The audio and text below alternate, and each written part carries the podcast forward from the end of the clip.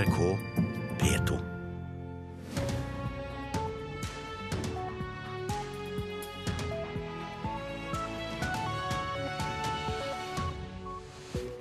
God tirsdagsmorgen. Klokka er 6.30. Du lytter til Nyhetsmorgen med Anne Jetlund Hansen i studio. Dette er hovedsakene våre. FrPs og Høyres representanter i justiskomiteen sier nei til generell bevæpning av norsk politi. Det betyr at Høyre og Fremskrittspartiet sine representanter på Stortinget har disiplinert eh, sin egen statsråd. Mener iallfall Arbeiderpartiets Hadia Tajik. Nesten halvparten av direktørene i Nav er midlertidig ansatt.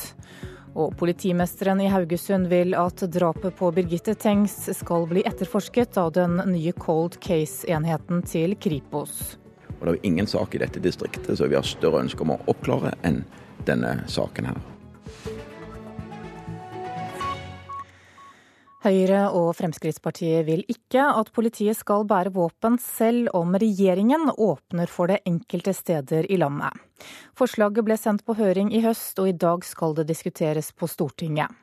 Justiskomiteen, inkludert FrPs og Høyres representanter, råder regjeringen til å holde politiet ubevæpnet.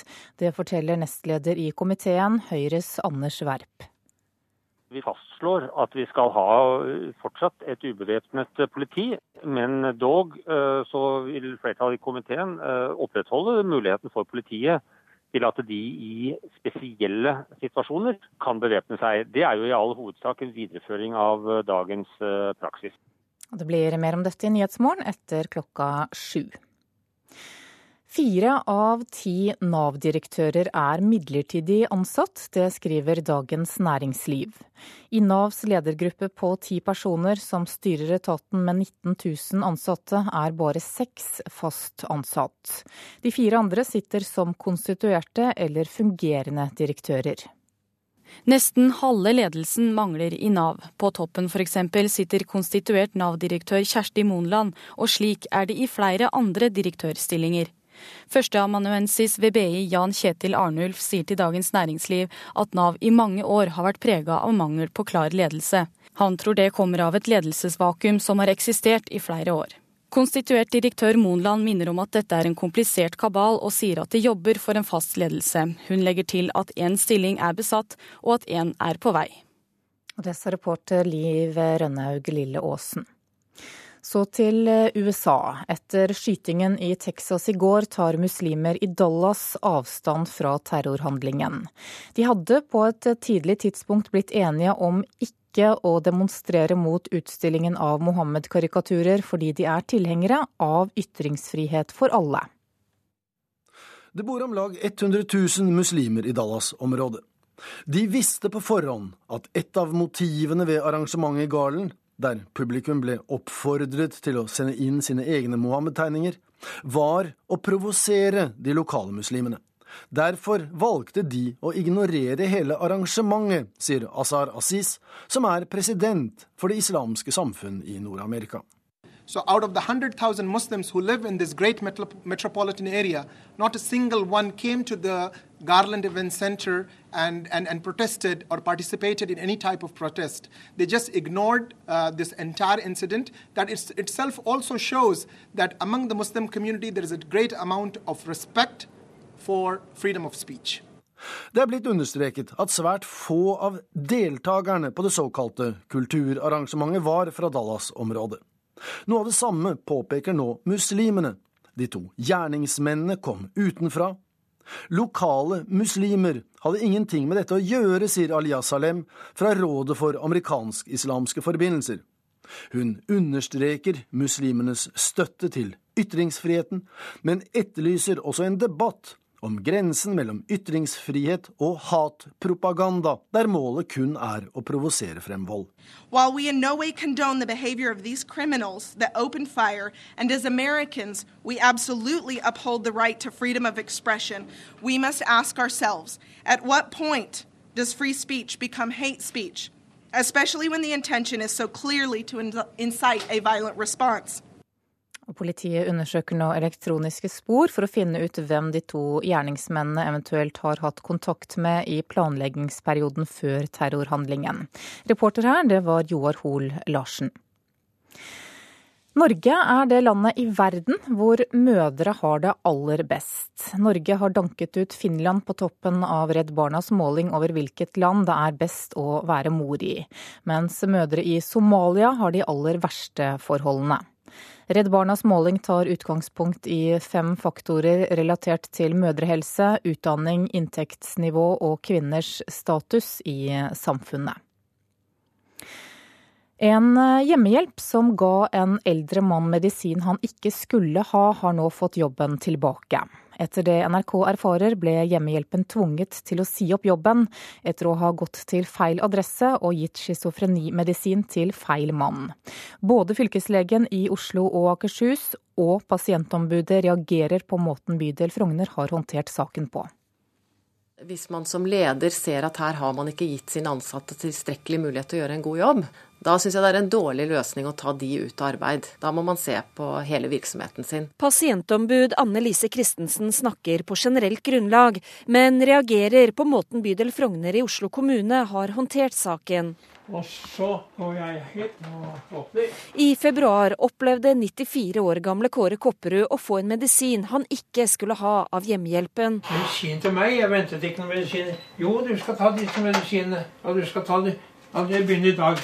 Så hvorfor skal jeg ta medisin? Nei, jeg har fått ordre om å levere medisin til deg. Medisinen han fikk var Olanzapin, beregnet på personer med bipolar lidelse og schizofreni.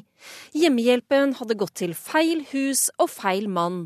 Dosen var så sterk at Kopperud falt sammen på stuegulvet og ble liggende i nesten ett døgn før han klarte å trykke på trygghetsalarmen. I ettertid ble etter det NRK kjenner til, hjemmehjelpen bedt om å si opp selv, ellers ville hun bli sagt opp. Nå har hjemmehjelpen fått jobben tilbake. Det er prosessen pasientombudet reagerer på. Hvis man har den type reaksjonsmønstre på enkelthendelser, så risikerer vi at folk ikke sier ifra når det skjer en feil, og at man ikke på den måten kan jobbe for å forhindre at det skjer igjen. Hvor alvorlig er det? Ja, Det syns jeg er kjempealvorlig. Altså, det er jo noe som helsetjenesten jobber med på alle nivåer, og man snakker mye om en kultur for åpenhet, en god meldekultur for å melde avvik.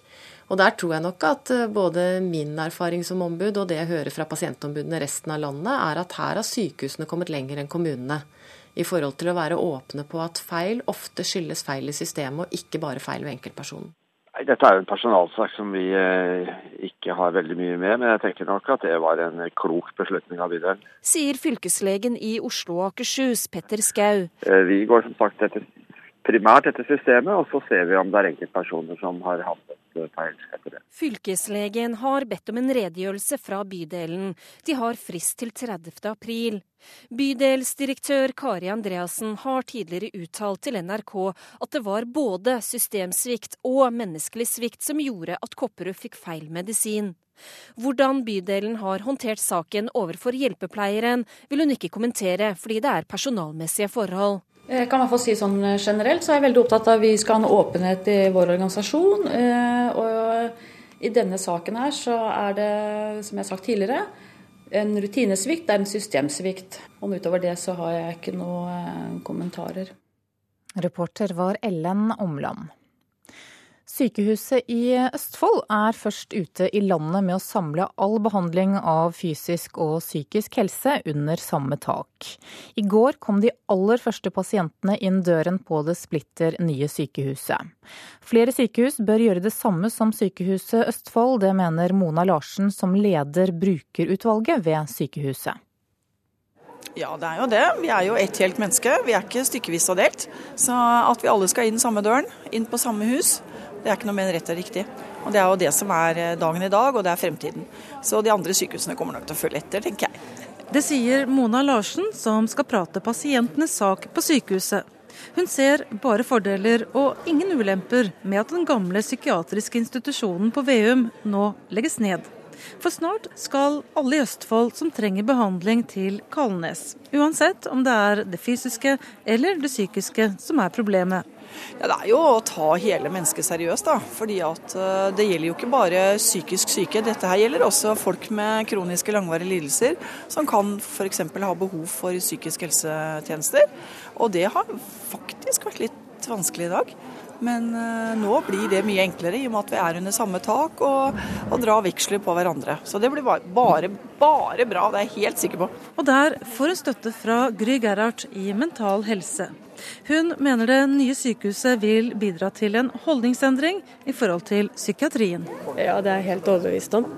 Sykehuset Østfold er det første sykehuset som samler somatikken og psykiatrien under samme tak. Håper du at dette vil bli eh, det det satses på over hele landet? Jeg håper det. For meg virker det som det eneste riktige å gjøre. Og jeg tenker at det må jo bli retningsgivende for de nye som skal bygges rundt etter hvert.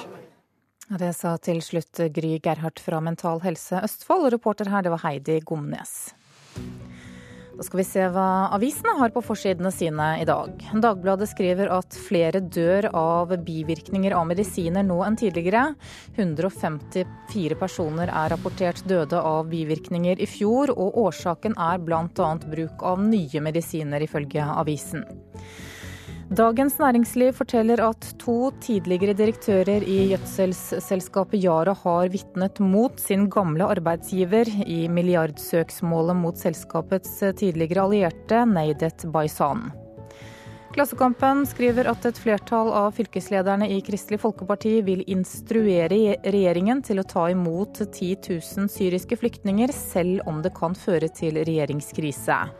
Mens ifølge Vårt Land så er det duket for et landsmøteoppgjør i samme parti nettopp om syriske kvoteflyktninger. Ungdomspartiet vil ha en nasjonal solidaritetsdugnad, men en del KrF-ordførere krever at staten betaler regningen. Aftenposten forteller historien om to brødre som flyktet fra Eritrea. Den ene bor nå i Sogn og Fjordane, den andre ble halshugget i Libya. Nordlys skriver at det er en alarmerende utvikling i nord når det gjelder husbranner. I fjor ble det registrert skader for 92 millioner kroner etter branner i Troms og Finnmark, ifølge avisen. Året før var tallet 80 millioner kroner. I dag legger staten etter planen frem tilbudet i årets jordbruksoppgjør. Lav rente gjør at staten kan kutte i jordbruksoverføringene, og småbøndene i distriktene kan bli taperne, skriver Nasjonen. Nedturen i oljesektoren gjør at flere selskaper i bransjen sliter med regningene sine. Det skriver Bergens Tidende. Daglig leder Bente Moen Borge i et bemanningsselskap på Sotra forteller at de fleste av kundene deres har nedbemannet eller permittert. Fire av ti nordmenn er plaget av magesmerter. Det skriver VG, som gir deg tips om hvordan du kan bli kvitt dem. Mens Dagsavisen har besøkt en av Englands mest delte valgkretser, med noen av landets rikeste og fattigste velgere. Skal vi ha sport, og det skal handle om ishockey-VM. Unødvendige utvisninger ødela kampen for Norge i går. Det mener flere av lagets profiler etter å ha tapt 0-5 for Finland. Alexander Bonsaksen er en av dem som var mest oppgitt. Det er ikke bra. Altså, vi tar for mye utvisninger. Jeg er bl.a. det første der, og vi eh, har fem mot tre. og det, Vi gjør det litt lett for dem. Nei, I dag så ble det at vi, vi tok litt for mye utvisninger.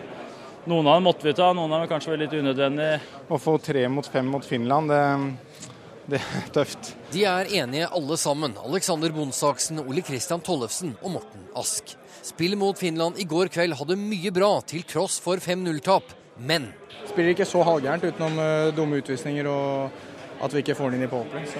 Jeg føler faktisk at vi spiller helt OK, uh, utenom uh, når vi spiller undertall. Der gjør vi en del uh, tabber. Fem mot fem skaper de ingenting før uh, på slutten av matchen når vi egentlig har, har ryket. Så nei, det, er, det, er, surt. Det er kjedelig å tape 5-0. Men selv om Norges fasit er en knallhard VM-åpning med tre strake tap, er det liten bekymring å spore i det norske laget. Med USA, Russland og Finland ute av verden ser de allerede fremover, forteller Bonsaksen. ja. Nei, vi, vi, visste det før, før VM at uh, det kunne se ut som her at vi har tre tap uh, før siste fire matcha. Og, uh, og, vi vet at vi er fullt på høyde med alle lagene vi møter uh, nå mot slutten av mesterskapet. det er ikke mange som forventa at vi skulle slå en av de tre nasjonene her, egentlig. Legger Ole Kristian Tollefsen til. Vi får ikke putte oss selv for langt ned. Vi får finne en liten ny energi. Får vi ta det derfra og så gå ut og vinne de fire neste. For målet i ishockey-VM er uforandret. Vi har som mål å Og, i hvert fall holde oss, og så eh, eventuelt gå til kvartfinale. Det hadde vært eh, maks. Og reporter her, det var Thomas Lerdal. Klokka passerer 6.45 der. Du lytter til Nyhetsmorgen. Dette er hovedsakene våre. Høyres og FrPs representanter i justiskomiteen sier nei til at politiet skal bære våpen. Nesten halvparten av direktørene i Nav er midlertidig ansatt. Og følg oss videre. Sea King-helikoptrene må oppgraderes for over en halv milliard kroner bare få år før de likevel skal skiftes ut. Det uoppklarte drapet på Birgitte Tengs på Karmøy i 1995 kan bli en av de første sakene som blir oversendt til den nye enheten som Kripos er i ferd med å opprette. Enhet for alvorlige uoppklarte saker skal være operativ fra og med høsten. Og politimester Steinar Langholm i Haugaland og Sunnhordland politidistrikt ønsker å la enheten se om det er mulig å oppklare drapet. Ja, For det første vil jeg si at jeg er veldig glad for at det kom en slik enhet som kan gå gjennom gamle saker og snu alle steiner en gang til. Og se om det er mulig å finne noe som vi ikke oppdaga fra før, som kan bringe en videre i oppklaring av saken. Og Første tanken min når jeg hørte om Cold Case, det var at det er en mulighet for å få gått gjennom Birgitte Tengs-saken på nytt, i håp om da å finne slike ting som en kan ta tak i og for å gå videre med saken. Og Det er jo ingen sak i dette distriktet som vi har større ønske om å oppklare enn denne saken her. Forrige uke lyste Kripos ut ni stillinger til den nye cold case-avdelingen, som foreløpig har fått navnet Enhet for alvorlige uoppklarte saker. Kripos-sjef Kjetil Haukås vil ikke forskuttere om drapet på 17 år gamle Birgitte Tengs på Karmøy i mai 1995 vil bli etterforska av den nye enheten. Nei, altså Det er jo en sak som etter sin kategori er absolutt innenfor det saksområdet som denne enheten skal se på. Eh, men det må jo være en konkret vurdering, da. Altså de distrikt som eier sakene. Vi har eh, fått flere forvarsler om at det vil komme saker inn til vurdering. Og når enheten er oppe og går, så vil jo de ta i turorden stilling til de sakene de får inn til vurdering, og prioritere de ut fra hvilke saker de tror det er mulig å komme noe videre med. Haukås sier målet er å oppklare uløste draps- og forsvinningssaker. Men det å sette dette i, mer i system og få én en enhet som kan bygge på erfaring fra sak til sak og utvikle god metodikk på det, det har vi tro på. Og så er det jo sånn at Disse sakene er så alvorlige at eh, selv det å oppklare noen vil være vel verdt eh, det å opprette en sånn gruppe for. Vi har ingen, eh, det, det er ingen grunn til å tro at de fleste av disse sakene vil bli oppklart, men hvis vi kan oppklare noen, så vil det være veldig bra. Og det tror jeg vi skal klare. Selv om politimester Steinar Langholm i Haugaland og Sunnhordland politidistrikt gjerne vil oversende Birgitte-saken til den nye enheten, vil han avvente de endelige kriteriene før søknaden kommer. Hvis vilkårene åpner for å kunne sende inn denne saken, så vi, ønsker vi det. Hvor viktig er det for eh, et lokalsamfunn og politiet å få oppklart sånne saker? Det er jo de viktigste sakene å oppklare. Det er drapssaker. Det er ingenting som er viktigere enn det. Flere andre politidistrikt har også varsla at de vil sende en saker til den nye enheten. Da må Kripos prioritere, sier Haukås. Altså, det vil ligge i sakens natur at nesten alle disse sakene vil ha samme alvor, at det er vanskelig å prioritere ut fra dette her. Så det vil nok eh, være særlig der man ser at enten fordi at eh, det kan være aktuelt at ny teknologi kan gi muligheter for eh, f.eks. å gjennomgå tekniske bevis på nye eller andre måter, eller der det er tilkommet nye typer opplysninger eller andre ting som gjør at man konkret har noe å gå videre på. Og nettopp prioriteringen er tema for far til Birgitte Tengs sin fetter. Fetteren ble i lagmannsretten i 1998 frikjent for drapet, men han ble samtidig dømt til å betale en erstatning til Birgittes foreldre på 100 000 kroner.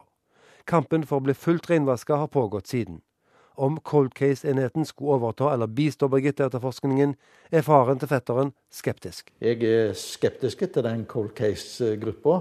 For jeg frykter for at du kan bli styrt av eh, folk som har interesser i denne saken, her, og da kommer du langt ned på prioriteringslista. Men hadde Birgitte-saken blitt tatt opp som nummer én, så hadde jeg hatt stor tiltro til at det kunne skje noe.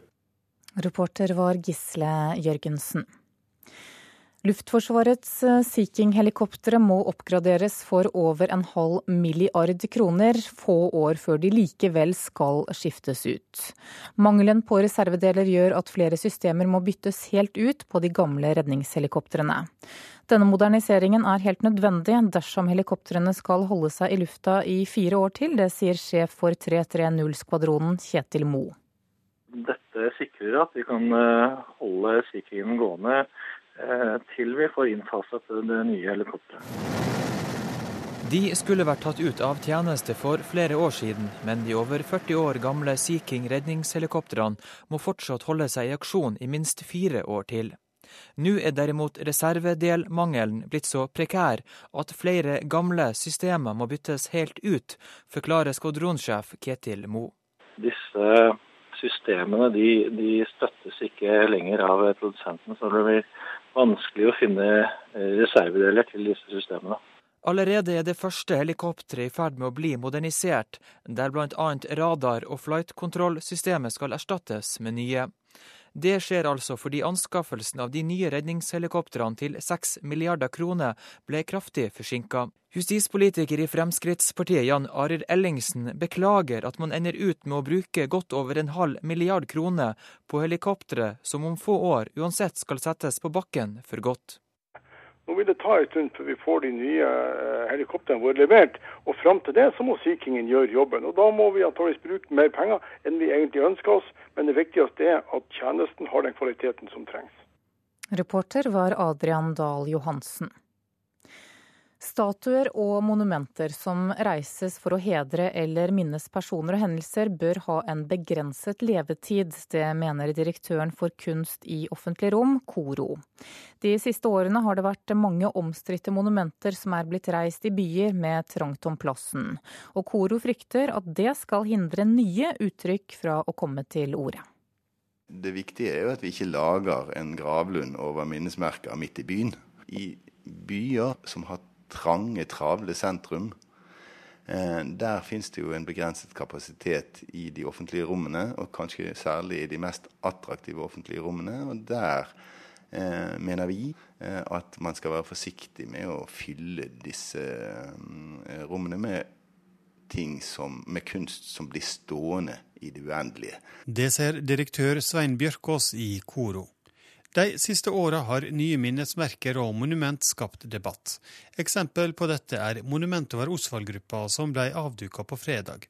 Statuen av Gunnar Sønsteby, som har flytta flere ganger i Oslo, og Olavsstatuen til Knut Steen. Bjørkås ønsker en debatt om hvor lenge en del statuer og monument skal kunne stå. I dag er det mange som ønsker å heidre sine helter, og det kan på sikt skape et problem, mener han. Hvis at en uh, stor skulptur f.eks., uh, så er det jo sånn at det, tar plass. Det stjeler oppmerksomhet. Det binder um, de visuelle Altså det gir visuelle impulser som, som, binder hva det går an å ytre der, så å si. Og det gjør jo at det kan stenge igjen rommene for alternative ytringer. Men daglig leder Arve Bringaker i Norsk Billedhoggerforening tror det blir vanskelig å gjennomføre en ordning med avgrensa levetid for skulpturer. Det er ikke lett å formulere en sånn ordning. Ethvert sånt monument skaper jo en voldsom identitet for, eh, for de som bor der. Så hvor man skal, hvordan man skal formulere sånne regler, det tror jeg er et eh, vanskelig stykke arbeid. I tillegg kan det bli mindre attraktivt å ta slike oppdrag, tror han de færreste kunstnere har jo mange sånne oppdrag, og det vil jo leve videre. Og det er jo noe de som gir dem en stor tilfredsstillelse over at de, de har laget noe som syns for ettertiden. Så det er klart det er jo ikke noe hyggelig tanke. Men om Svein Bjørkås får det som han vil, er han klar til å ta debatten når kunst blir fjerna. Vi er jo ofte i en situasjon der det oppstår debatter fordi at folk ikke vil ha kunst når den kommer. Eh, jeg skulle gjerne sett at vi fikk flere av de debattene som var sånn at det kommer kunst, og så vil vi ta den ned. Og så får vi debatten der folk raser fordi at de ikke vil at det skal forsvinne. Det ser vi frem til. ja, reporter her, det var Espen Alnes. Satirikere som gjør narr av terrorgruppen IS, utsetter seg selv for stor fare, men de har likevel stor påvirkningskraft. Det mener terrorforsker Lars Gule. Det dukker stadig opp nye parodifilmer av IS på internett, og mange av dem får raskt flere hundre tusen treff.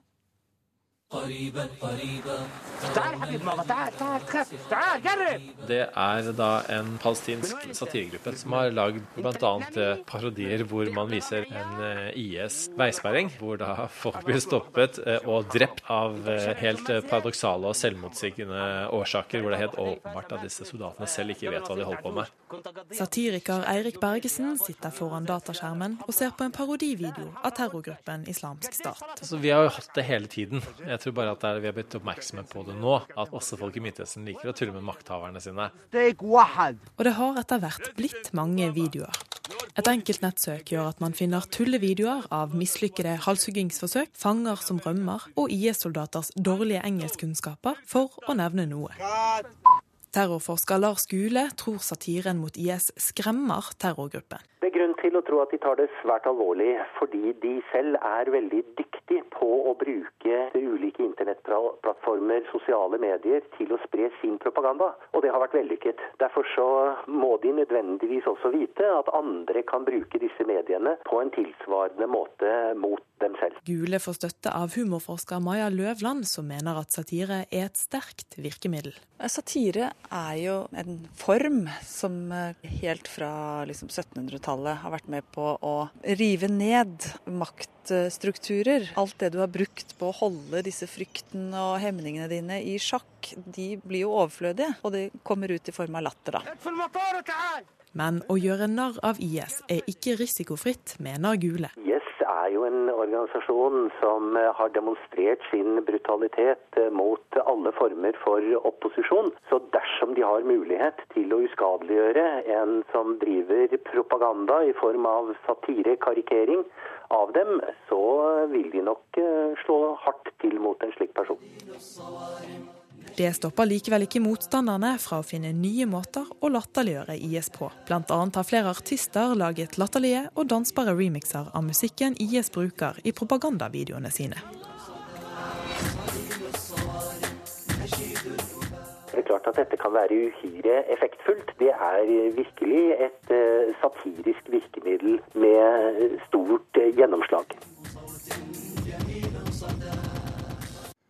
Reporter her, det var Ingvild Fjelltveit. Da skal vi se på et værvarsel som gjelder til midnatt. Fjellet i Sør-Norge sørøstlig opp til frisk bris utsatte steder. I ettermiddag økning til kuling. Forbigående storm først i Langfjella, etter hvert regn fra sør og snø over ca. 1000 meter.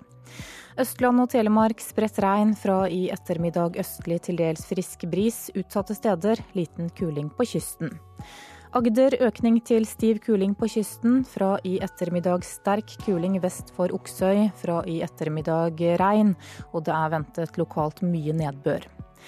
Rogaland sørøstlig liten kuling utsatte steder. Opphold. I formiddag økning til østlig liten storm utsatte steder. I kveld minkende og regn. Hordaland østlig frisk bris utsatte steder. I ettermiddag økning til østlig liten storm utsatte steder. Opphold fra sent i ettermiddag regn.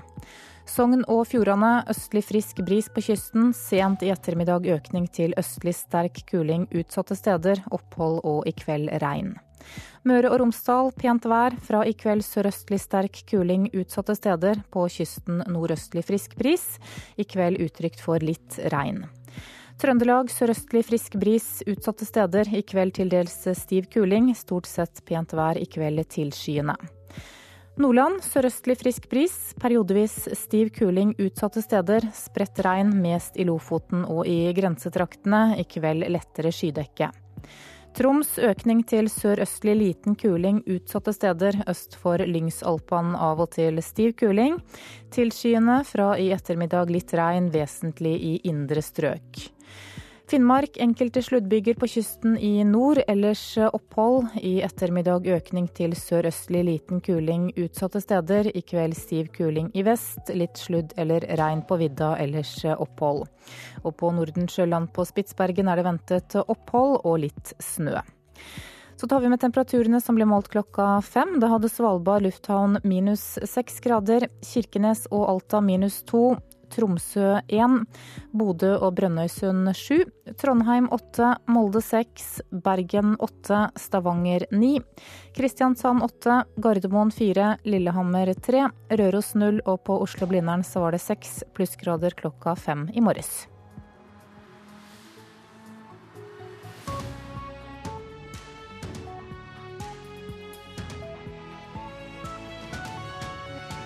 NRK P2.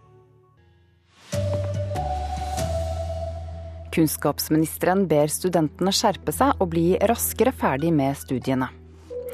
Muslimer i Texas tar avstand fra terrorhandlingen mot en utstilling av Mohammed-karikaturer i går. Her er NRK Dagsnytt klokken sju. Bare fire av ti studenter gjennomfører studiene på normert tid, og det er altfor dårlig, sier Torbjørn Røe Isaksen.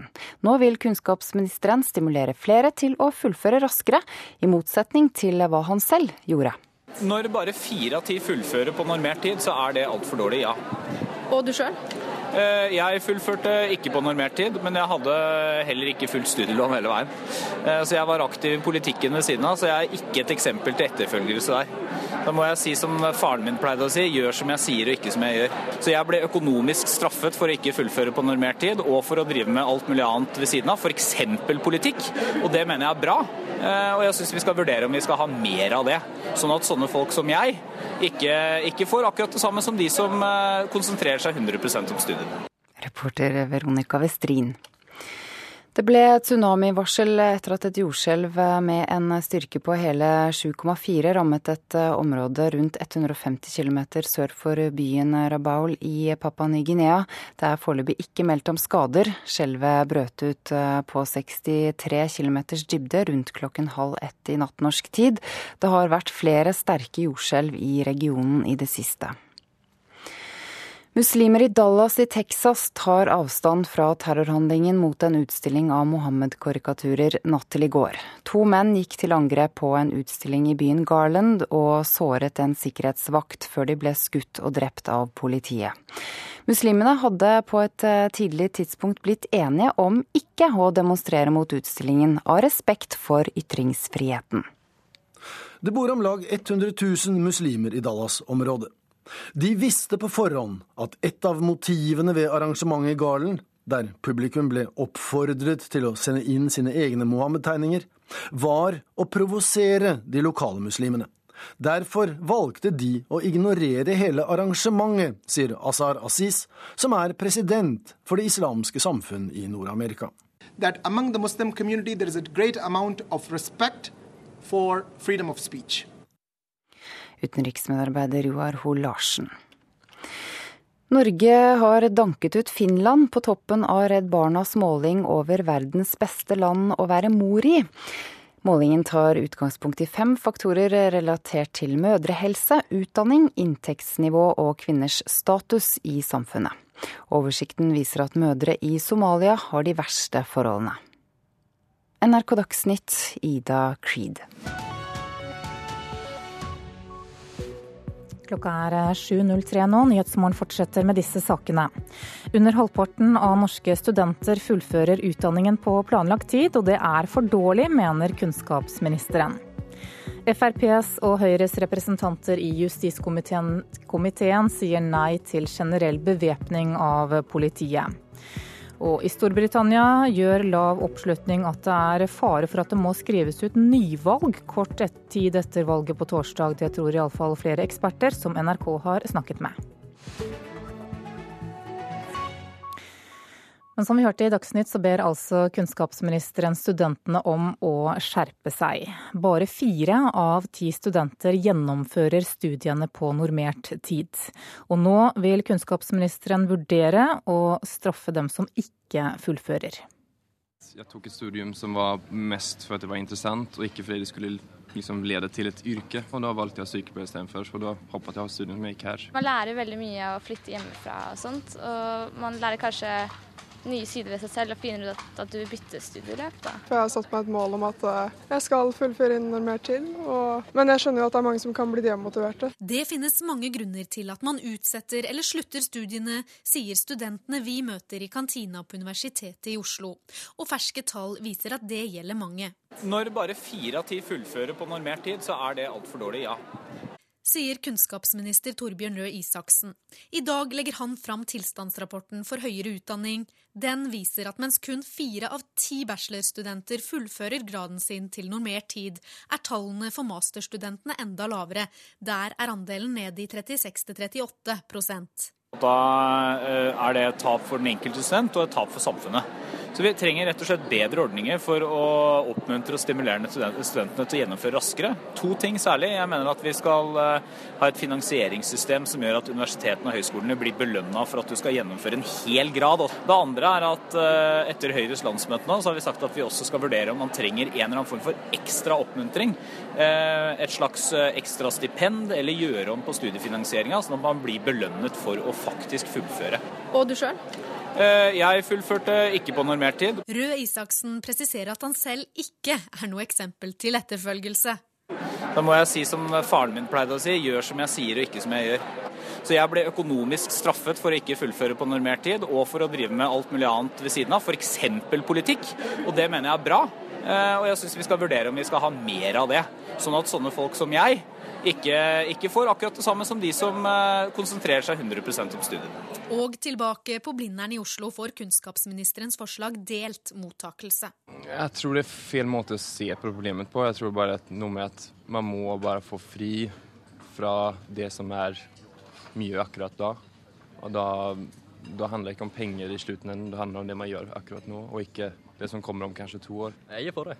Altså, det handler ikke om å straffe de som ikke gjør det, men å belønne de som gjør det. Hva tenker du om at kunnskapsministeren ønsker at de studentene som fullfører på normert tid, bør få mer penger enn de som ikke gjør det? Er det en god idé? Jeg vet ikke. Det, man burde kanskje ikke Det burde ikke være noe problem å bytte utdanningsløp, fordi at man burde jo få lov til å studere og jobbe med det man vil. og Det er bedre at man finner ut av det når man studerer, enn når man plutselig er ute i jobb og kanskje ikke trives i jobben. da. Og det mener du man ikke skal straffes økonomisk for? Ja, det burde kanskje heller vært en begrensning for hvor mange ganger man kan bytte studieløp, f.eks.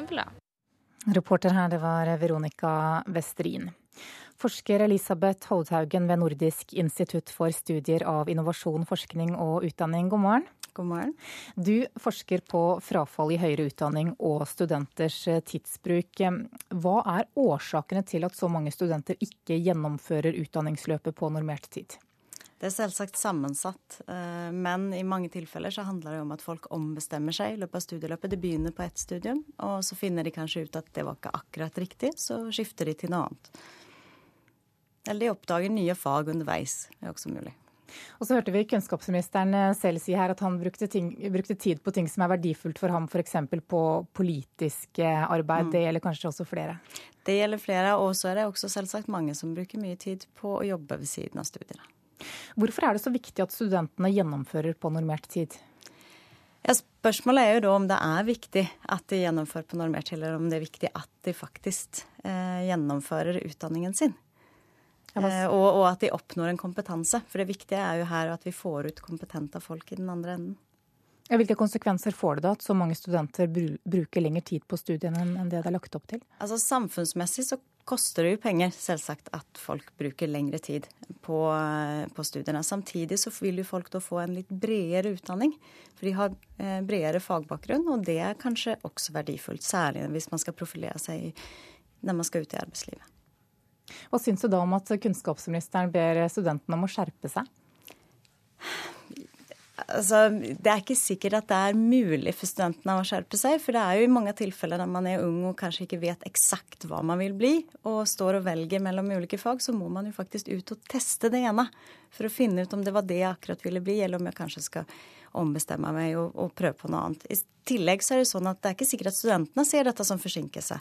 Kanskje de prøver ett år med psykologi og finner ut at nei, men det var ikke akkurat meg, og så bytter de over til en eh, lærerutdanning. Men det å ha psykologi i bakgrunnen kan kanskje komme godt med i lærersituasjonen. Men hvis vi først bestemmer oss da for å, å få flere studenter til å fullføre på normert tid, hva skal til for å få til det? Det kan jo hende at det også henger sammen med noe med strukturen på studiene. Og der her kommer lærestedenes ansvar inn. ikke sant? Altså hvordan man jobber med strukturen. Om eh, studiene og sammensetningen av studiene fungerer godt, og at det faktisk er mulig å ta det studiet på normert tid. For i dag har vi et modulisert eh, system der man tar flere kurs parallelt. Og det kan eh, iblant bli ganske mye for mange studenter. Hva med forslaget om å belønne de som faktisk greier det? Det kan hende at det eh, har positive effekter. Vi hadde jo et sånn type stipend på, på 90-tallet. Det gjaldt da bare for de som gikk på hovedfag, det som i dag er master. Det var en ganske begrensa gruppe. Eh, det fins en SSB-studie som viser at det økte gjennomføringen med 4 prosentpoeng eller sånt. Men fra et veldig lavt nivå opprinnelig. 20% fullførte på normert tid omtrent. Samtidig så kan det bli et, en utfordring, eh, et problem mellom det med effektivitet og kvalitet. I eh, Nederland, der man har studieavgifter, der innførte de i 2012 en ordning at de som blir for mye forsinka, de må betale mer i studieavgift enn vanlige studenter som ikke er forsinka. Og det fikk en veldig sterk effekt. Det, ordningen var bare i verk i ett år. Eh, det økte gjennomføringen med 10 prosentpoeng, men det kom ut svakere kandidater. Så derfor så valgte man eh, å ta dem bort igjen nesten omtrent med en gang. Fordi man så jo at man fikk ut masse D- og E-kandidater. Det er ikke sikkert det vi vil ha. Hvis du skal gi et kjapt råd til kunnskapsministeren, hva er det? Før man innfører en sånn ordning, så tenker jeg at man skal tenke igjennom om det er lurt. I tillegg så er det jo sånn at, at mye forsinkelse oppstår tidlig i studieløpet. Så kanskje man heller skal jobbe med tiltak tidlig i studieløpet enn å premiere fullføring på slutten. Forsker Elisabeth Hothaugen, takk for at du kom hit til Nyhetsmorgen. Da skal vi høre at Høyre- og Frp-politikere ikke vil at politiet her i landet skal bære våpen. Regjeringen vil åpne for generell bevæpning i de politidistriktene som ønsker det, men nå sier justiskomiteen på Stortinget, inkludert FrPs og Høyres representanter, nei til generell bevæpning. En politimann gjør klar pistolen sin før han kjører på oppdrag. Siden i fjor høst har politiet vært bevæpna pga. et høyere trusselbilde i Norge.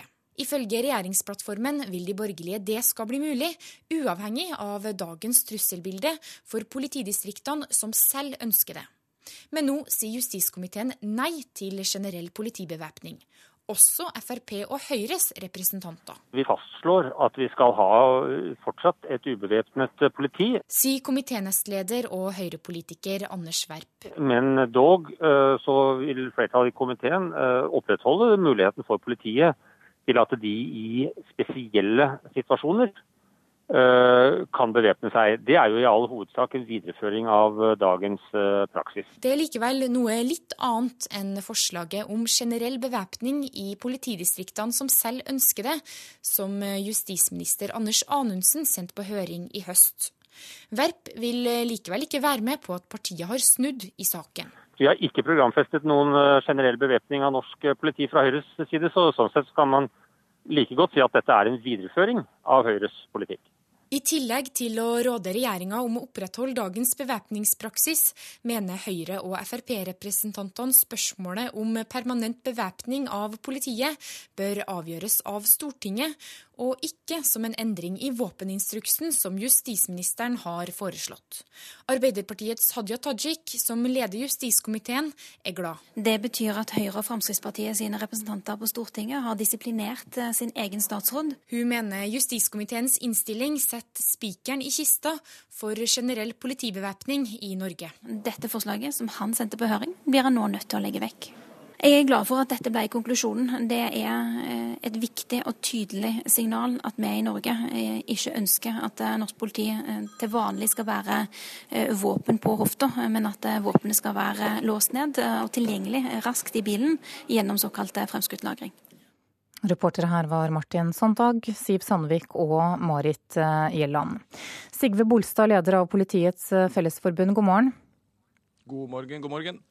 Er dette spikeren i kista for permanent bevæpning av politiet? Det er nok eh, samfunnsutviklinga som eh, styrer det, eh, og jeg vil nok dessverre si at det er det ikke. Hvorfor ikke? Det som er litt interessant, det er at Politiets Fellesforbund vi tok opp denne viktige debatten på landsmøtet i 2012. I ei tid der det heldigvis ikke var noen stort trusselbilde, og der det ikke var noen enkelthendelser. Nå har vi snart vært generelt bevæpna i, snart et halvt år.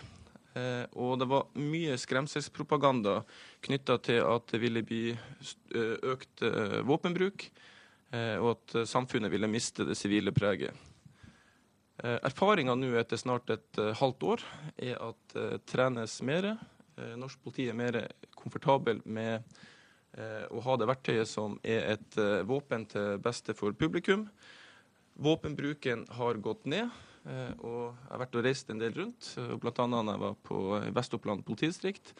Så kunne politimesteren si at eh, det var mer og mer positivt i hans korps. Pluss at befolkninga eh, ikke har følt at man har mista det sivile preget. Så Sånn sett så har det trusselbildet som ble laga, det har vist seg å, i hvert fall etter de opplysninger som, som jeg sitter på, å, å ikke stemme. Men det er politikerne som bestemmer, bare så det er sagt. Eh, og de har eh, ved dette så kommer de til å bestemme eh, at det er greit at det tar noe lengre tid i de få tilfellene der tid er en viktig faktor for, for utfallet. Og Det må norsk politi forholde seg til. Ja, hva går vi glipp av da dersom norsk politi ikke er bevæpnet? La meg ta to eksempler. Du har et kjøretøy, du kjører og parkerer det, og så går du en eh, fotpatrulje. Og så kommer du plutselig opp i en situasjon der det er behov eh, for eh, et våpen. Og Hvis bilen da står et stykke unna, så mister du den tida det tar å dra tilbake til bilen eh, og få våpenet. Et annet eksempel er hvis du er i et oppdrag i ei blokk, eh, og du parkerer bilen eh, på utsida og går opp i eksempelvis åttende etasje, og du plutselig kommer ut for en situasjon der det eh, er et behov, så må du altså åtte etasjer ned i et, en bil som er låst. Du må låse opp bilen i et skrin der våpenet er nedlåst. Og det er denne tida her som kan være skjebnesvangende for, uh, for utfallet. Ja, hvor, ofte, ja, hvor ofte er det en problemstilling, da? Heldigvis så er det ikke ofte. La meg presisere det. Heldigvis så er det ikke ofte. Men har vi råd til én eller flere av de eh, situasjonene, og gamble med det i forhold til tidsbruken? Bare, vi bare setter spørsmålstegn ved det. Men nå har i hvert fall Politiets Fellesforbund sagt ifra gjennom eh, landsmøtevedtaket, og vi må bare akseptere at det er politikerne som bestemmer. Det skulle bare mangle, et demokratisk samfunn. Men da har iallfall vi eh, sagt ifra. Sigve Bolstad, takk for at du var med i Nyhetsmorgen. 7.17 har klokka blitt. Du hører på Nyhetsmorgen, og dette er hovedsakene våre. Under halvparten av norske studenter fullfører utdanningen på normert tid. Det er for dårlig, mener kunnskapsministeren. Som vi hørte, Fremskrittspartiets og Høyres representanter i justiskomiteen sier nei til en generell bevæpning av politiet. Og følg oss videre. I Burundi fortsetter demonstrasjonene mot at landets president stiller til valg for tredje gang.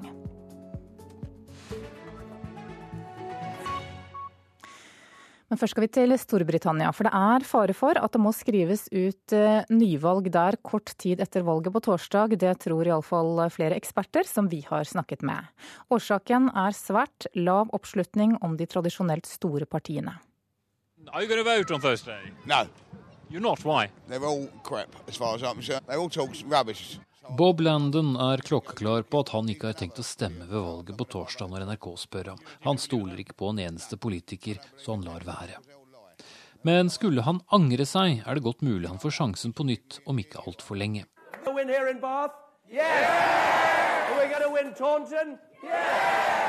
For selv om statsminister David Cameron og hovedmotstander Ed Miliband begge snakker i store bokstaver nå i innspurten, får ingen av dem flertall. Det krever 326 parlamentsseter. Begge havner trolig et stykke under 300. Det betyr enten at det blir en ny koalisjonsregjering eller en mindretallsregjering. Begge deler kan føre til nyvalg allerede senere i år, frykter professor i politikk ved universitetet i Essex, Paul Whiteley. I think personally the new government is not going to last five years, and we might have another election uh, later this year. Den uh, utgående regjeringen overlevde fordi den hadde laget seg en samarbeidsavtale, men det skjer neppe denne gangen, sier Whiteley.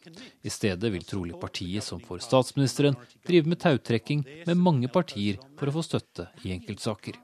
En uh, regjering kan likevel ikke bare gå av etter for eget godtbefinnende i håp om å få flertall ved nyvalg. Et flertall av de folkevalgte må uttrykke mistillit, for så å ikke gjenopprette den tilliten i løpet av to uker. Da skrives ut nyvalg i Storbritannia. Og det er absolutt en mulighet, mener flere eksperter NRK har snakket med. En av nestorene innenfor politisk analyse, Peter Kellner, som leder meningsmålingsbyrået Yougov, sier han gir den nye regjeringen maks halvannet år dersom det største partiet kommer langt under 300 seter. The winning party is fewer than 300 and has to put together some form of complex deal to stay in office, then I think a high chance of an election within 18 months. Det kan hende det må mer til for å trigge Bob Landen til å stemme på nytt. No, I don't believe in any of them because they all lie. Espen Aas, London. Den siste meningsmålingen viser dødt løp mellom de konservative og Labour foran det britiske parlamentsvalget, som altså er på torsdag. I Burundi fortsetter demonstrasjonene mot at landets president stiller til valg for tredje gang. Ifølge Røde Kors er tolv personer drept siden protestene startet for litt over en uke siden. De prøvde å komme seg unna politiets kuler, men i går ble tre demonstranter drept i hovedstaden Bujumbura, ifølge BBCs journalist som var på stedet. Politiet selv benekter at noen ble drept. Uyu munsi nk'uko muhereje kubibona hakomeretse Politiets talsmann Liboar Bakund Kise sier at 15 politimenn ble skadet i et granatangrep i går, og sier at politiet har selvsagt rett til å kaste granater og skyte tilbake på demonstrantene. Hundrevis av demonstranter gir seg ikke. De protesterer mot at president Pierre Nkurunziza vil stille som president for tredje gang etter ti år ved makten. Demonstrantene mener at presidenten har brutt fredsavtalen som ble skrevet etter borgerkrigen på 90-tallet, en borgerkrig som krevde flere hundre tusen menneskeliv. Avtalen gir en president mulighet for å sitte i bare to perioder, men presidenten selv mener han har rett til en ny runde, fordi det var parlamentet og ikke folket som valgte ham den første gangen. Det er alvor i Burundi. I frykt for vold har 24 000 mennesker allerede flyktet til nabolandet Rwanda, mens 7000 har tatt seg over grensen til Kongo. Vestlige diplomater skal ha tilbudt den fotballgale presidenten en jobb innen idrettsfeltet i Europa, men Nkurunziza har vendt det døve øret til. Regjeringen har satt inn hæren, stengt sosiale medier som Facebook og Twitter, og stengt den største uavhengige radiostasjonen. USAs utenriksminister besøkte Narobi, Kenya i går, og benyttet anledningen til å gi Burundis president en klar beskjed. We are deeply concerned about, uh, uh, about President uh, Nkurunzizi's decision, which flies directly in the face of the constitution of his country. Vi er dypt bekymret over presidentens beslutning som går rett imot grunnloven i landet, sa John Kerry. Men det spørs om USA kan gjøre noe med en egenrådig president. Og mange uroer seg for hva som kommer til å skje opp mot selve presidentvalget 26.6. Ja, reporter her, det var Afrikakorrespondent Kristine Presttun. Da skal vi se hva avisen har på forsidene sine i dag. Dagbladet skriver at flere dør av bivirkninger av medisiner nå enn tidligere. 154 personer er rapportert døde av bivirkninger i fjor, og årsaken er bl.a. bruk av nye medisiner, ifølge avisen. Klassekampen skriver at et flertall av fylkeslederne i Kristelig Folkeparti vil instruere regjeringen til å ta imot 10 000 syriske flyktninger, selv om det kan føre til regjeringskrise. Mens ifølge Vårt Land så er det duket for et landsmøteoppgjør i samme parti nettopp om syriske kvoteflyktninger. Ungdomspartiet vil ha en nasjonal solidaritetsdugnad, men en del KrF-ordførere krever at staten betaler regningen. Aftenposten forteller historien om to brødre som flyktet fra Eritrea. Den ene bor nå i Sogn og Fjordane, den andre ble halshugget i eh, Libya. Dagens Næringsliv forteller at eh, to tidligere direktører i gjødselsselskapet Yara har vitnet mot sin gamle arbeidsgiver i milliardsøksmålet mot selskapets tidligere allierte Neidet Baisan. Nordlys skriver at det er en alarmerende utvikling i nord når det gjelder husbranner. I fjor ble det registrert skader for 92 millioner kroner etter branner i Troms og Finnmark, ifølge avisen, og året før var tallet 80 millioner. I dag legger staten etter planen frem tilbudet i årets eh, jordbruksoppgjør, og lav rente gjør at staten kan kutte i jordbruksoverføringene.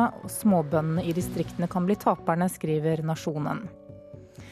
Nedturen i oljesektoren gjør at flere selskaper i bransjen sliter med regningene sine. Det skriver Bergens Tidende. Daglig leder Bente Moen Borge i et bemanningsselskap på Sotra forteller at de fleste av kundene deres har nedbemannet eller permittert.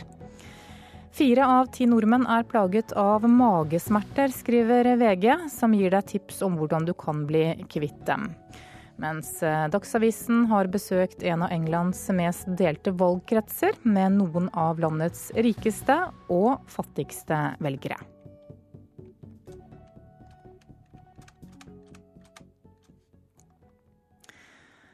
I dag så er det tiårsjubileum for verdens håndhygienedag. På Taremareskogen barnehage i Kristiansand så er det blitt mindre sykefravær etter at de innførte regler for håndvask. Ja, Vi har innført eh, en ny vaskerutine som vi egentlig starta med når svineinfluensaen var. Og det er at ungene vasker hendene de, når de kommer om morgenen, før de går inn på avdelinga. Og det får vi veldig god hjelp av foreldrene. sånn at det, nå er det blitt en veldig god rutine. Det sier Vivian Holm, som er avdelingsleder på Tare Mare Skogen barnehage. Og det gjør vi jo for at en skal bryte bakteriene som de har med seg. Både barn, foreldre og ansatte er blitt gode på håndvask, sier enhetsleder i barnehagen Solveig Woie. Noen ganger følger foreldrene inn, og av og til så er det vi i personalet, for av og til så er det litt travelt for foreldre. Og så har ungene gode rutiner på det, så de springer egentlig inn og så gjør det veldig ofte sjøl òg. I barnehagen merker de at færre er syke etter at de nye håndvaskreglene ble innført. Vi har sett eh, faktisk eh, nedgang i sykefraværet. Vi har ikke noe før- og ettertall, men jeg tror likevel at vi, vi, ser at vi har ikke så veldig høyt eh, sykefravær blant barna. Da, at de er ikke så mye vekke. Jeg tror vi har sluppet godt unna i forhold til det. Smittevernlege Siri Johanne Boje ved Sørlandet sykehus er glad for at barnehagen er nøye med håndvasken.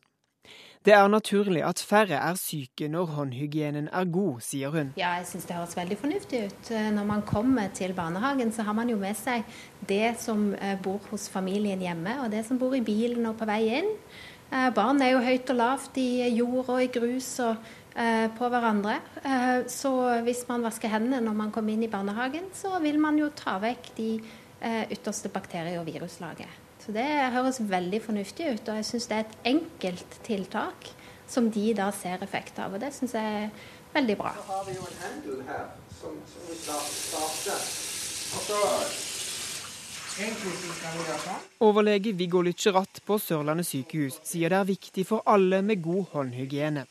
På sykehuset kan det være fare for liv dersom håndvasken droppes. Håndhygiene er et av de viktigste punktene for å hindre eh, sykehusinfeksjonsspredning. Eh, og eh, vi som helsepersonell vi er jo en potensiell spredefaktor for, for sykehusinfeksjoner. Hvis du, hvis du, tar med deg en bakterie fra, fra, et sted til et annet, så kan den bakterien da eh, komme til en pasient som kanskje er ekstra mottagelig òg eh, for eh, en Eh, en sykdom. og Da, da kan det være, få eh, alvorlige konsekvenser for den pasienten. Han kan få f.eks. en sårinfeksjon. et, eh, så En nyoperert pasient kan få en sårinfeksjon og måtte ligge lenger på sykehus, ha, må ha antibiotikabehandling, eh, i verste fall reoperering eh, og sånne ting. Så, så eh, det er mange, mange konsekvenser for, for, en pasient som blir smitta med, med sykehusinfeksjoner eller infeksjoner generelt.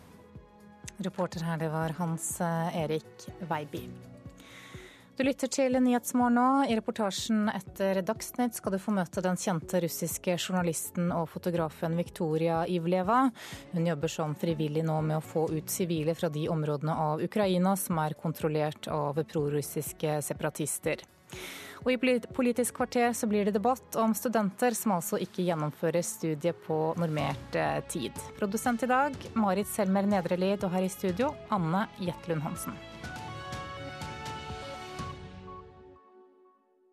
Spillerom i dag. Han har lagd noe av det mest kjente som fins av filmmusikk. Til Avatar, til Aliens, Braveheart. Og så er han mannen bak denne.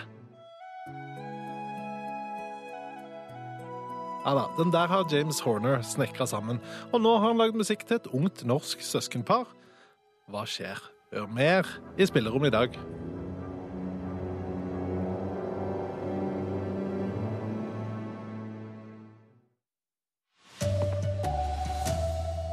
Skjerp dere og fullfør studiene til riktig tid, sier kunnskapsministeren, som selv ikke klarte det. Så jeg er ikke et eksempel til etterfølgelse der. Da må jeg si som faren min pleide å si, gjør som jeg sier og ikke som jeg gjør. Nå vil heller ikke Høyre eller Frp i justiskomiteen ha væpnet politi. Hjemmehjelp som ga pasient feil medisin, har nå fått jobben tilbake. Her er NRK Dagsnytt klokken 7.30. Kunnskapsministeren eh, ber studentene skjerpe seg. Bare fire av ti studenter gjennomfører nemlig studiene på normert tid.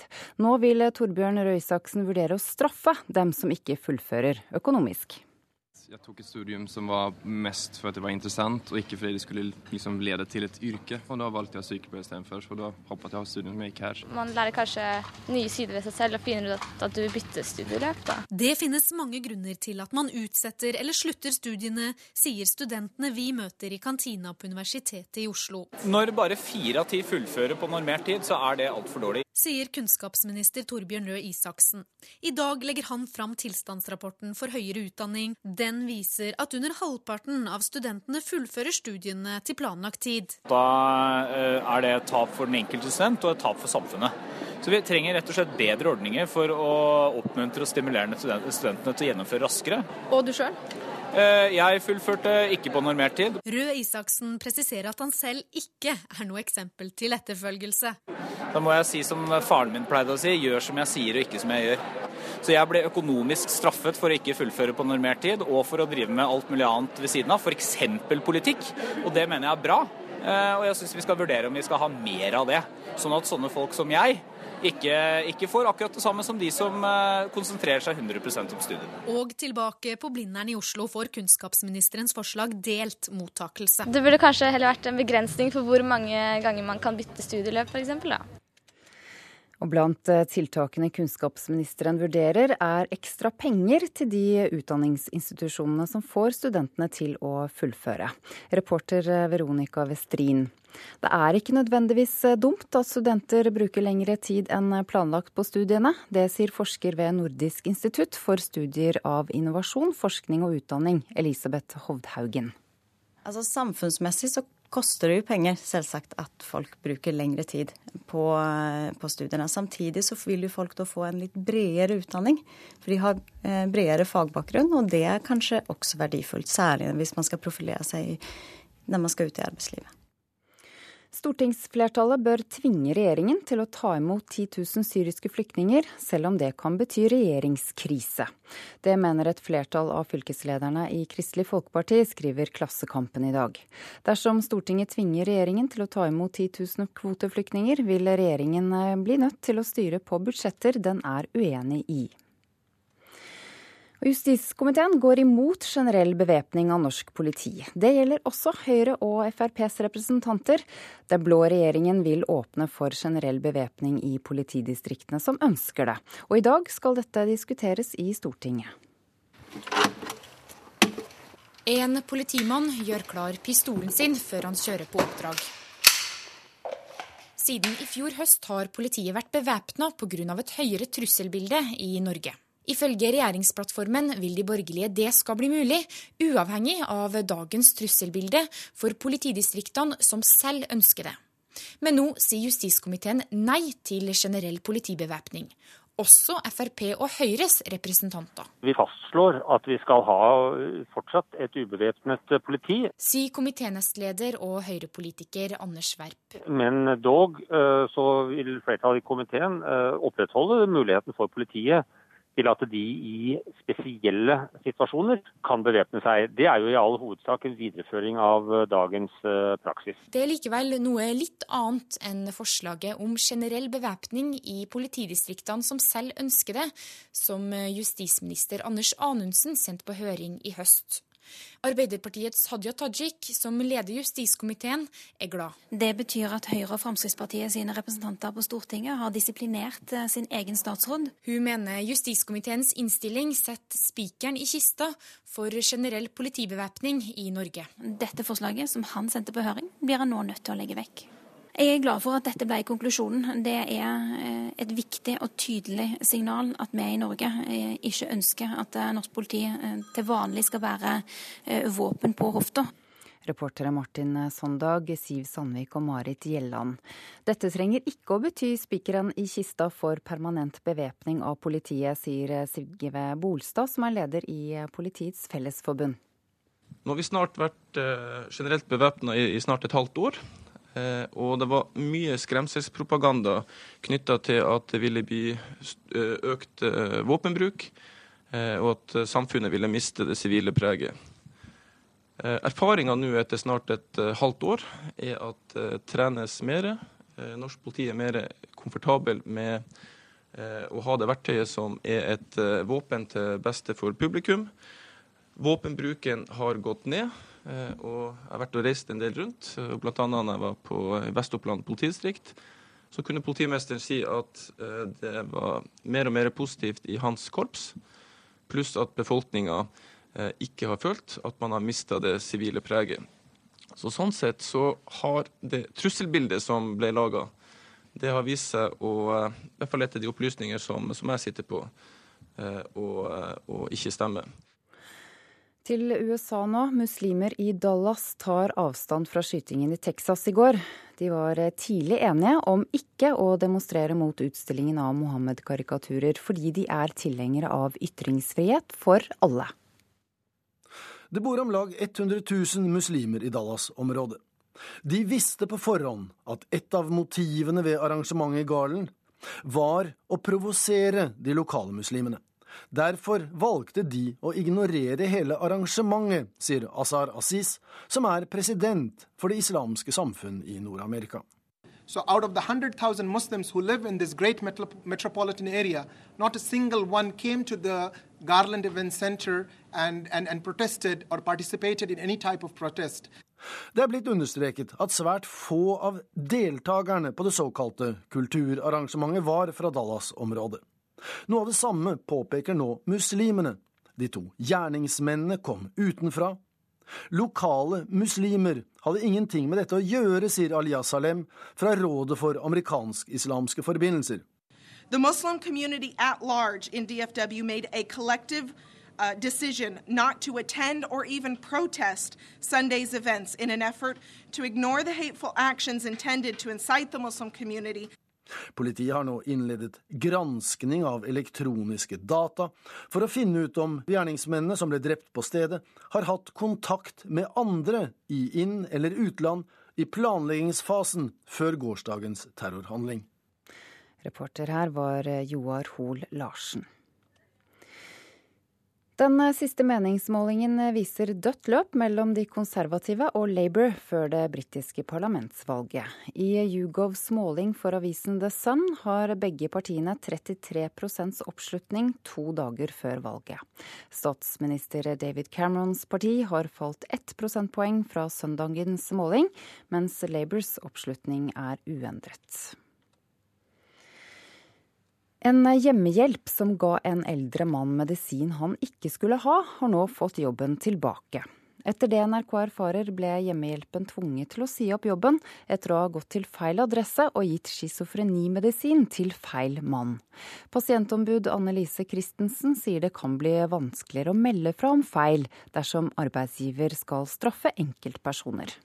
Hvis man har den type reaksjonsmønstre på enkelthendelser, så risikerer vi at folk ikke sier ifra når det skjer en feil, og at man ikke på den måten kan jobbe for å forhindre at det skjer igjen. I februar opplevde 94 år gamle Kåre Kopperud å få en medisin han ikke skulle ha av hjemmehjelpen. Medisin til meg? Jeg ventet ikke noe medisin. Jo, Medisinen han fikk var Olanzapin, beregnet på personer med bipolar lidelse og schizofreni. Hjemmehjelpen hadde gått til feil hus og feil mann. Bydelsdirektør Kari Andreassen har tidligere uttalt til NRK at det var både systemsvikt og menneskelig svikt som gjorde at Kopperud fikk feil medisin. Jeg kan i hvert fall si sånn Generelt så er jeg veldig opptatt av at vi skal ha en åpenhet i vår organisasjon. I denne saken her så er det en rutinesvikt, det er en systemsvikt. Det var Ellen Omland som hadde laget denne saken. Det er eh, Elin Pettersen som er ansvarlig for Dagsnytt-sendingene denne morgenen. Teknisk ansvarlig er Hanne Lunås. Jeg heter Ida Creed.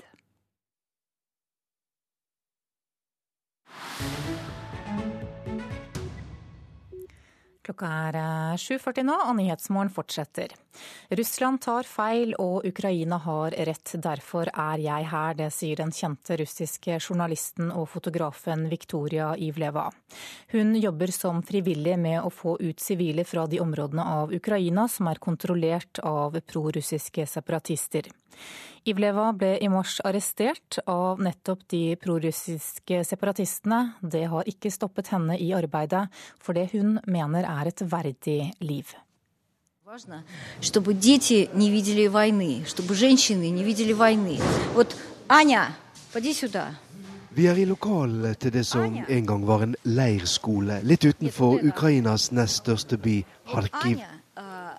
Viktoria Ivleva er en liten, rødhåret kvinne som akkurat nå bruker livet sitt på én ting å få ut gravide og kvinner med små barn fra de områdene av Ukraina som er kontrollert av de prorussiske separatistene i folkerepublikkene Luhansk og Donetsk. Hun roper Anna Fedakova bort til oss for å fortelle hva som skjedde i midten av mars, da hun dro inn til Luhansk for å få ut en del kvinner og barn, men ble stoppet av separatistene og holdt i forvaring i flere timer.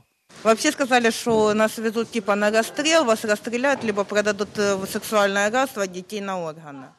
Anna, som den gangen var høygravid i niende måned, forteller at separatistsoldatene, som selv kaller seg hjemmeforsvarsstyrkene og Poltjensi, sa at hun kom til å bli skutt eller kanskje seksuelt misbrukt hvis hun dro over til regjeringskontrollert område. Dette var en slags provokasjon, mener Viktoria Ivljeva, som selv er russisk statsborger fra Moskva, men som nå beveger seg i frontlinjen for konflikten i Ukraina, med fokus på de som hun mener trenger aller mest oppmerksomhet. Когда ты можешь вечером сидеть около дома и просто смотреть на закат. Но если в это время проезжает мимо танк, Hvis du setter deg utenfor huset ditt en kveld for å se på solnedgangen, og det plutselig ruller en stridsvogn forbi, ja, da er selvfølgelig hele stemningen ødelagt, sier Victoria Ivleva, som derfor mener det er viktig å få kvinner som Anna Fedakova ut av krigssonen. I do my own journalism and I do what I want to do. And I don't follow any uh, rules. For de som har fulgt med i konflikten i Ukraina det siste året, er ikke Viktoria Ivleva noe ukjent navn. Hun har sin bakgrunn som fotojournalist med hele verden som arbeidsfelt, men vakte oppsikt da hun dro inn til byen Slavjansk i fjor vår, da den var kontrollert av en gruppe militante under ledelse av den radikale russiske nasjonalisten Igor Girkin.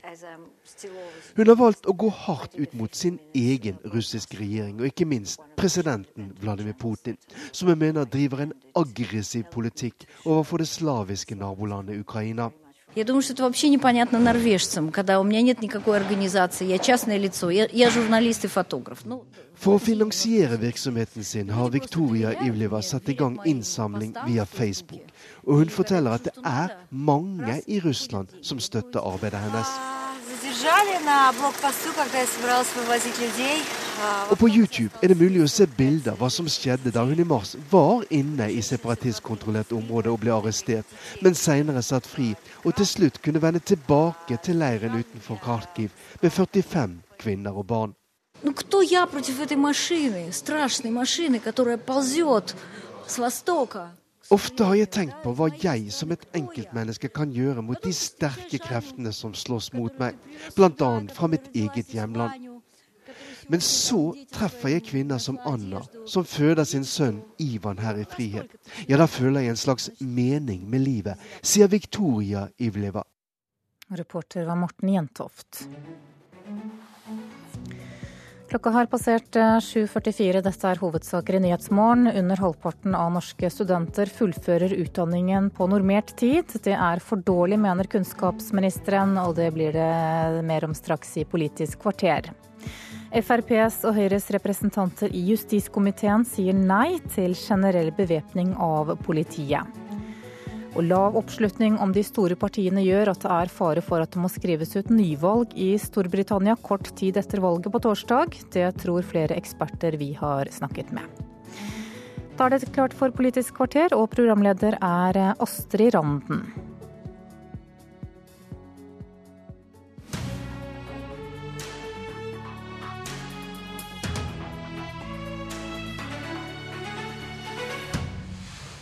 Kunnskapsministeren vil gi de kjappe studentene mer og de treige mindre i støtte.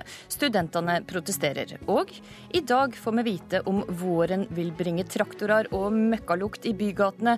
Regjeringa kommer med sitt tilbud til bøndene.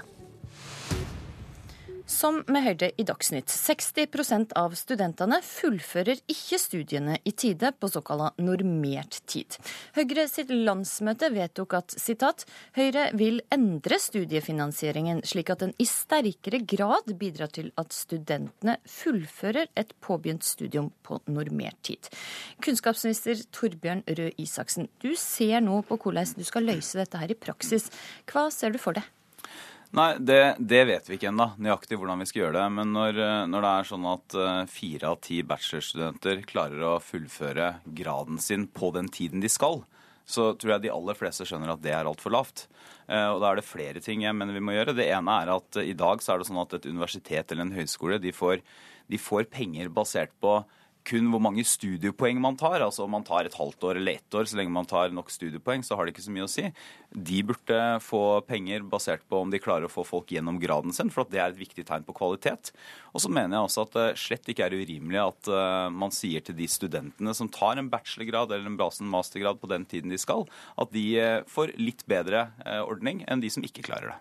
Ja, vil du straffe de studentene som ikke fullfører på den tida de skal, det eller vil du belønne de som Det må vi rett og slett uh, jobbe litt med. Uh, for det er flere måter å gjøre dette på. Og mitt utgangspunkt er at vi skal ikke ha en dårligere studiefinansieringsordning. Så jeg er stort sett alltid for at vi skal bruke mer gulrot og ikke mer pisk. Men vi skal starte nå med oppfølginga av det Høyres landsmøte har vedtatt, og som også, også regjeringa er positive til å kikke på. Så da vil du tilføre friske midler, og ikke bare fordele det, deg annerledes? Det, altså, dette ble vedtatt på et landsmøte for to uker siden. Så hvordan vi skal gjøre det, og om det vil koste noe ekstra, eller om det er mulig å gjøre det, gjøre det innenfor dagens studiefinansiering, det er detaljer vi må se på. Men hovedpoenget her er jo at det er et tap for samfunnet og et tap for den enkelte hvis man bruker lengre tid på studiene enn det man burde. Og så kan det altså i verste fall uh, tyde på at en del av institusjonene, altså universitetene og høyskolene, ikke legger godt nok til rette for at man faktisk skal klare å ta en bachelorgrad på den tiden man skal bruke på det. Mm. Anders eh, Kvernmo Langseth, du er leder mm. i Norsk studentorganisasjon, og du er skeptisk til ei belønningsordning for de studentene som fullfører eh, raskt. Hvorfor er du skeptisk til dette? Fordi at alle, alle vet at ikke nok studenter fullfører på normert tid, men hvorfor fullfører ikke studentene? Eh, og Det ser ut som at kunnskapsministeren eh, ser ut til å tro at det sitter fullt av studenter ute på landets universitet og høyskoler og lar være å levere inn den siste eksamen og lar være å gå ut i arbeidslivet som en sånn bevisst valg fordi at vi ikke tjener nok på det økonomisk. Ok, Og det er ikke greia? Nei, og vi kjenner oss jo ikke igjen i den virkelighetsbeskrivelsen. For vi mener at vi trenger mer penger den tida vi faktisk er studenter. Vi ikke, har ikke behov for en ytterligere bonus på toppen. Er det den dårlige finansieringa av Eller finansieringa som studentene tar i mm. dag, er det hovedgrunnen til at så mange ikke fullfører? Det gjør at norske studenter må jobbe veldig mye parallelt ved siden av å være student. Og vi jobber mer enn våre medstudenter i Danmark og i Sverige f.eks.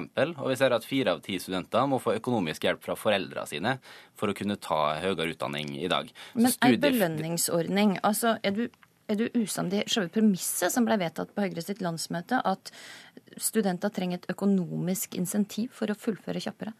Vi er uenige i at eh, det er mangelen på insentiv som gjør at studenter ikke fullfører i dag. Det, det, stemmer. Og kostnaden på, hvis vi skulle gitt alle studenter som fullfører, en ekstra som bonus på toppen, har Kunnskapsdepartementet sjøl regna fram vil koste mellom 1,1 til 1,2 milliarder. Det er penger som vi kunne gitt til alle studentene, sånn at du får en god nok grunnfinansiering som gjør at vi kan forvente bedre gjennomføring.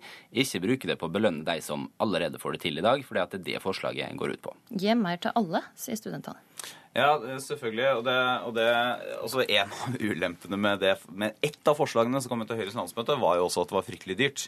Eh, så det jeg syns vi kunne bli enige om, og som studentene også burde ha en interesse av, det er jo at vi sier at det er bra hvis systemet belønner deg for å ta også en hel grad på den tiden du skal bruke på graden.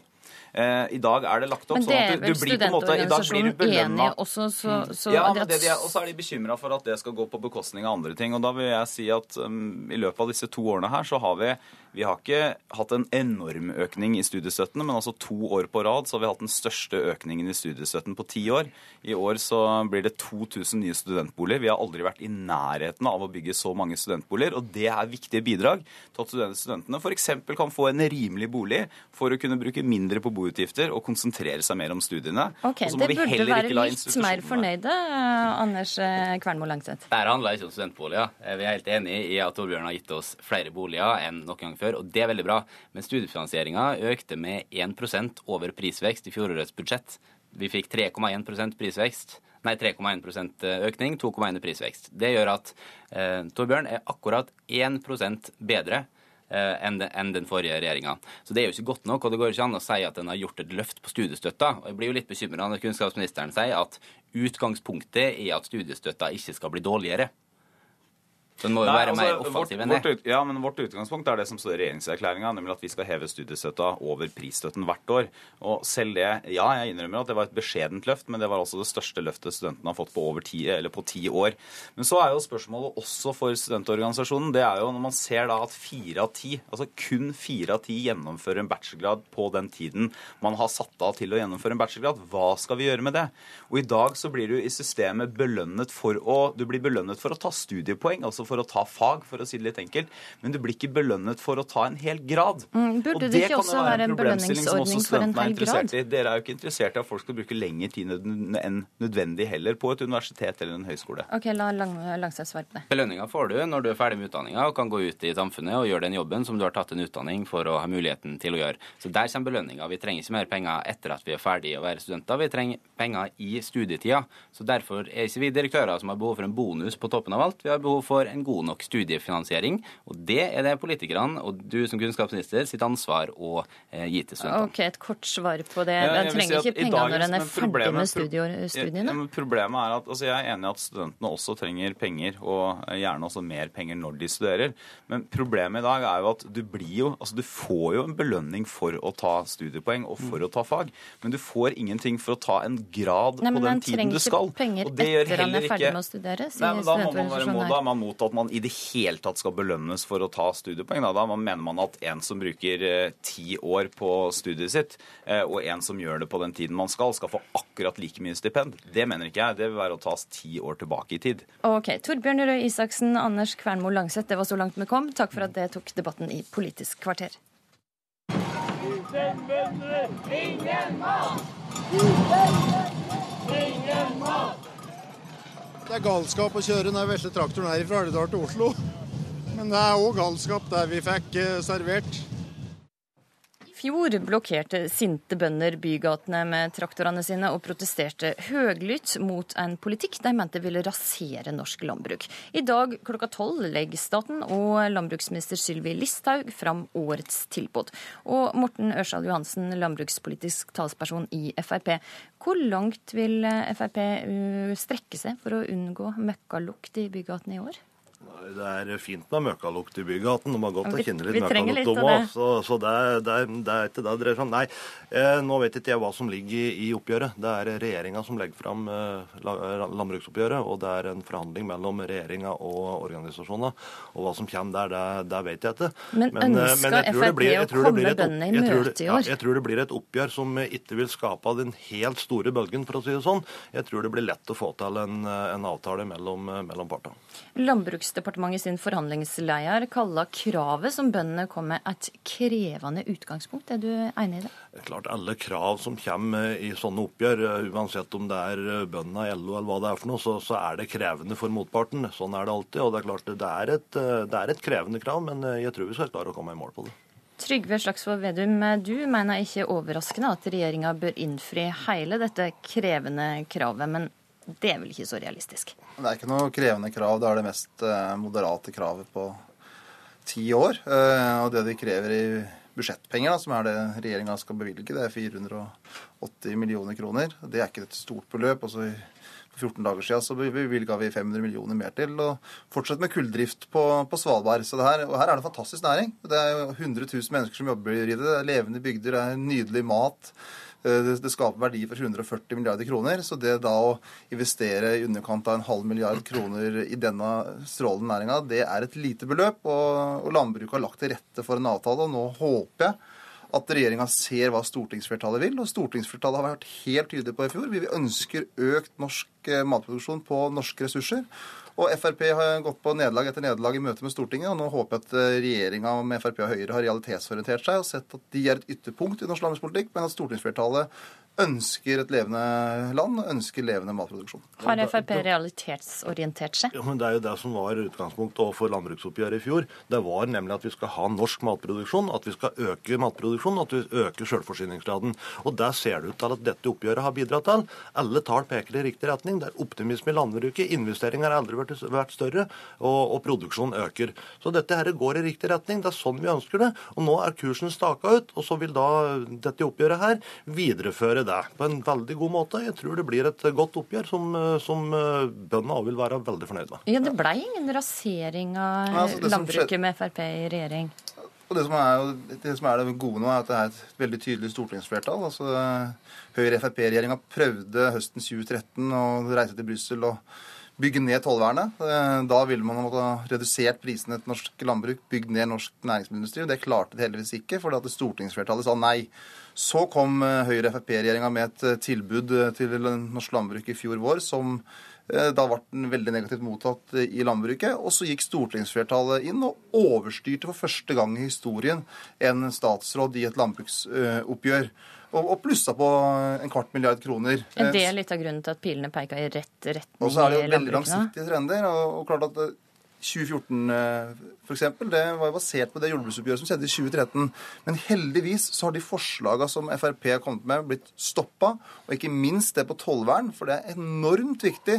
Skal du klare å ha inntekter eh, i landbruket, og skal du klare å ha en levende landbruk fra den dype Vestlandsfjorden til Finnmark, til Rogaland, til Hedmark. Og da trenger vi virkemidlene, og da trenger vi tollvern.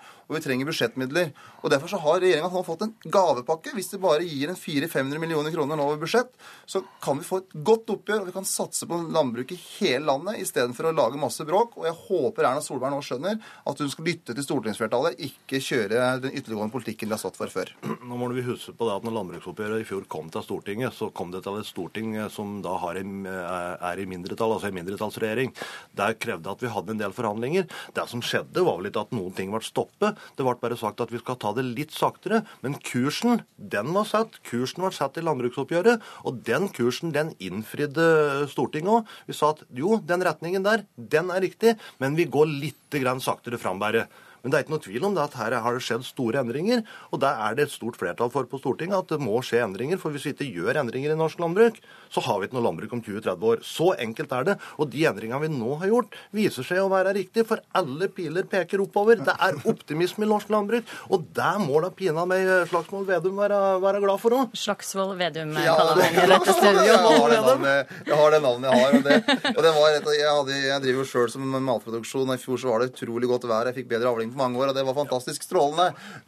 Og det som også var fantastisk strålende, var at Fremskrittspartiets landbruksminister og Erna Solberg ble stoppa av stortingsflertallet både når de ønska å redusere tollvernet og når de ønska å kutte i tilskudda.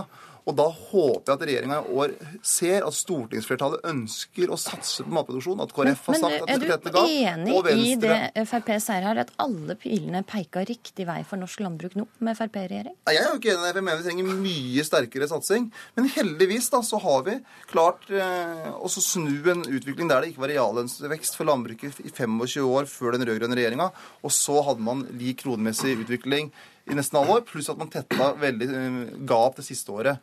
Så vi har klart å gjøre en del gode grep for norsk landbruk, og det har vært utrolig mange flinke bønder som har effektivisert, klart å skape en moderne og god og trygg matproduksjon. Så det er masse suksesshistorier. Men skal vi klare å videreføre den suksesshistorien norsk matproduksjon er, så må vi være villige til å bruke den, noen ekstra hundre millioner, sånn at vi har matproduksjon i hele det fantastiske landet, og at vi har verdens reneste og tryggeste mat. Ok, Jordbruksoppgjøret fører alltid til litt styr, sier eh, landbruksminister eh, Sylvi Listhaug til NTB. Klokka tolv kommer en pekepinn på hvor mye styr vi kan vente oss i år. Trygve Slagsvold Vedum, ikke slagsmål, og Morten Ørsal Johansen, takk for at det kom til Politisk kvarter. Og lurer du på hvor mange kvoteflyktninger fra Syria vi faktisk skal ta imot? 10 000 eller null? Eh, klokka halv to møtes de parlamentariske leirene på Stortinget for nye samtaler. Så følg med på radio, nett og TV utover dagen. Denne sendinga er slutt. I studio i dag var Astrid Randen. Hør flere podkaster på nrk.no podkast.